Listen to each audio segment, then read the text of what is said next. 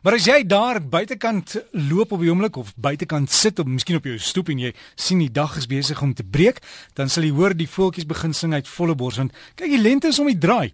Iets anders wat gebeur is Gawie Strydom sê hy het nou al klaar buite gaan loer hoe lyk dit en hy sê die die dag is wonderlik bietjie koud vanmôre, maar hy sê jy kan definitief voel daar's verandering in die temperature. En dit natuurlik trek al hoe meer mense na die hengelwaters toe en Gawie jouself sit daar langs die Vaalrivier, né? Dis reg, Derry, goeiemôre luisteraars. Nee, dis 'n pragtige oggend en soos ek en jy gesels het, is die eh, temperature besig om te klim. Seisoen is besig om te verander en net die om die draai so die hengelaars kan gerus hulle hengelgerye van die rakke afkry sien dat dit mooi skoon is en sien dat alles gedien is die katrolle en so voort want binne 'n maand gaan ons heerlik hengel. Nou Casio Ber laat my weet hy sê daai het 'n koue Carolina uit Nou ja, hy sê hy hengel graag daar in nooit gedag dam. Hy sê maar die koue het hulle ook natuurlik so 'n bietjie demper op die vis geplaas en maar hulle hengel normaalweg baie goed swartbaars en natuurlik geelvis. Hy sê die geelvis is natuurlik die vis wat hulle hy altans lief is om met kunsaars te vang. Nou ja, ek wil vir jou sê Kas, dit is absoluut een van die visse, varswatervisse wat groot sensasie veroorsaak as jy met kunsaas hengel.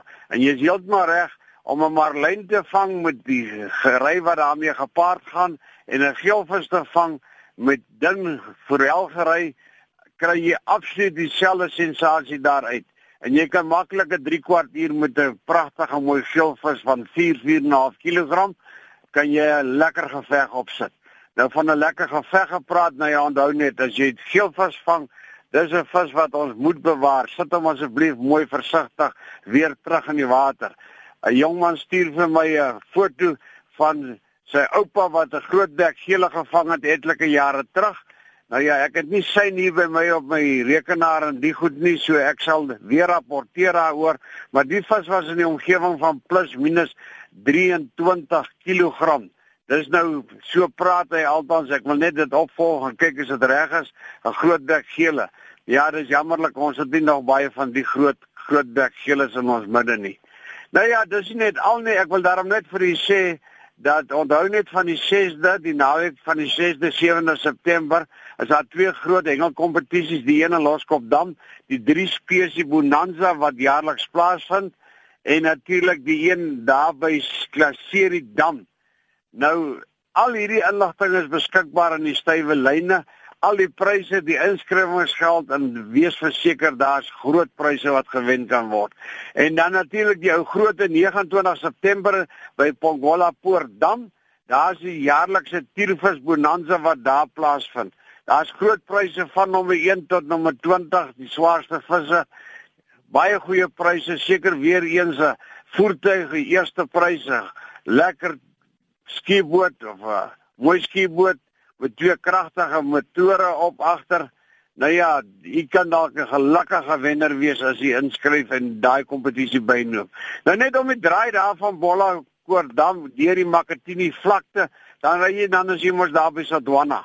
Nou ek gesels gister met Janie Nel, hy's 'n kragtige hengelaar en hy het 'n boot met die naam van My Lady en het hom seker al baie van hom gehoor of gesien in tydskrifte.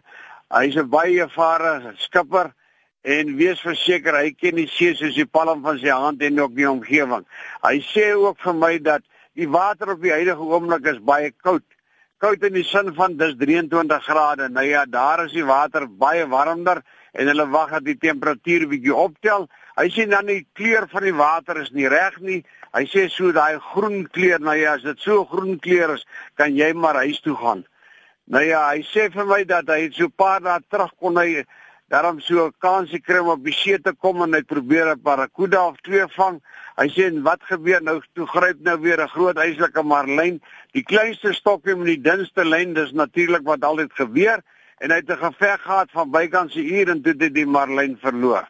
Nou ja, Jannie, dit is nou net so dat 'n ou moet seker maar nie met daai groot klein ding gery, daai groot visse aan durf nie. Nou hy sê vir my daar's baie snoek op die oomblik in die water.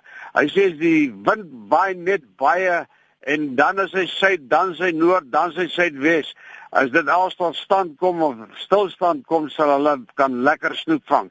Nou ek beskou Jannie as een van die bestes Natalse snoekhengelaars in Suid-Afrika. As jy wil meer weet, kontak hom gerus. Sy inligting is ook in die stywe lyne beskikbaar. Dit is nie net al nie. Dan sê ek vir u dat die Kleinberg geelis asseblief hier by die Vaalrivier wat ek nou is. Die visse is bykans een van die dae dan is dit nou weer tyd dat hulle nou spawn. Dan is hulle onder groot druk. Dis wanneer mense hulle moet sommer moet nette gooi nette, hoepels en al hierdie goed bymekaar maak. Help asseblief dat ons hierdie vis van ons asseblief kan bewaar en beskerm vir die toekoms wat kom. Nou, dan wil ek net vir u sê dat Pieter de Pre hy sê vir my dat hy het 'n bietjie van 'n groot probleem en dit gaan oor vis wat hulle wil vang en nou het is daar vreeslik baie watergrasse op die dam. Nou hy wil by my weet nou wat gaan gebeur en hoe moet hy maak om al hierdie klomp gras te verwyder. Nou ek sal 'n bietjie navraag doen en dan vir u vertel wat gebeur. Maar ek dink intussen net wie jy vir jou klomp vrieskoeie kry. Ek weet nie diep is die dam en dan kan jy hom dalk 'n groot melkkry daar in die gang sit.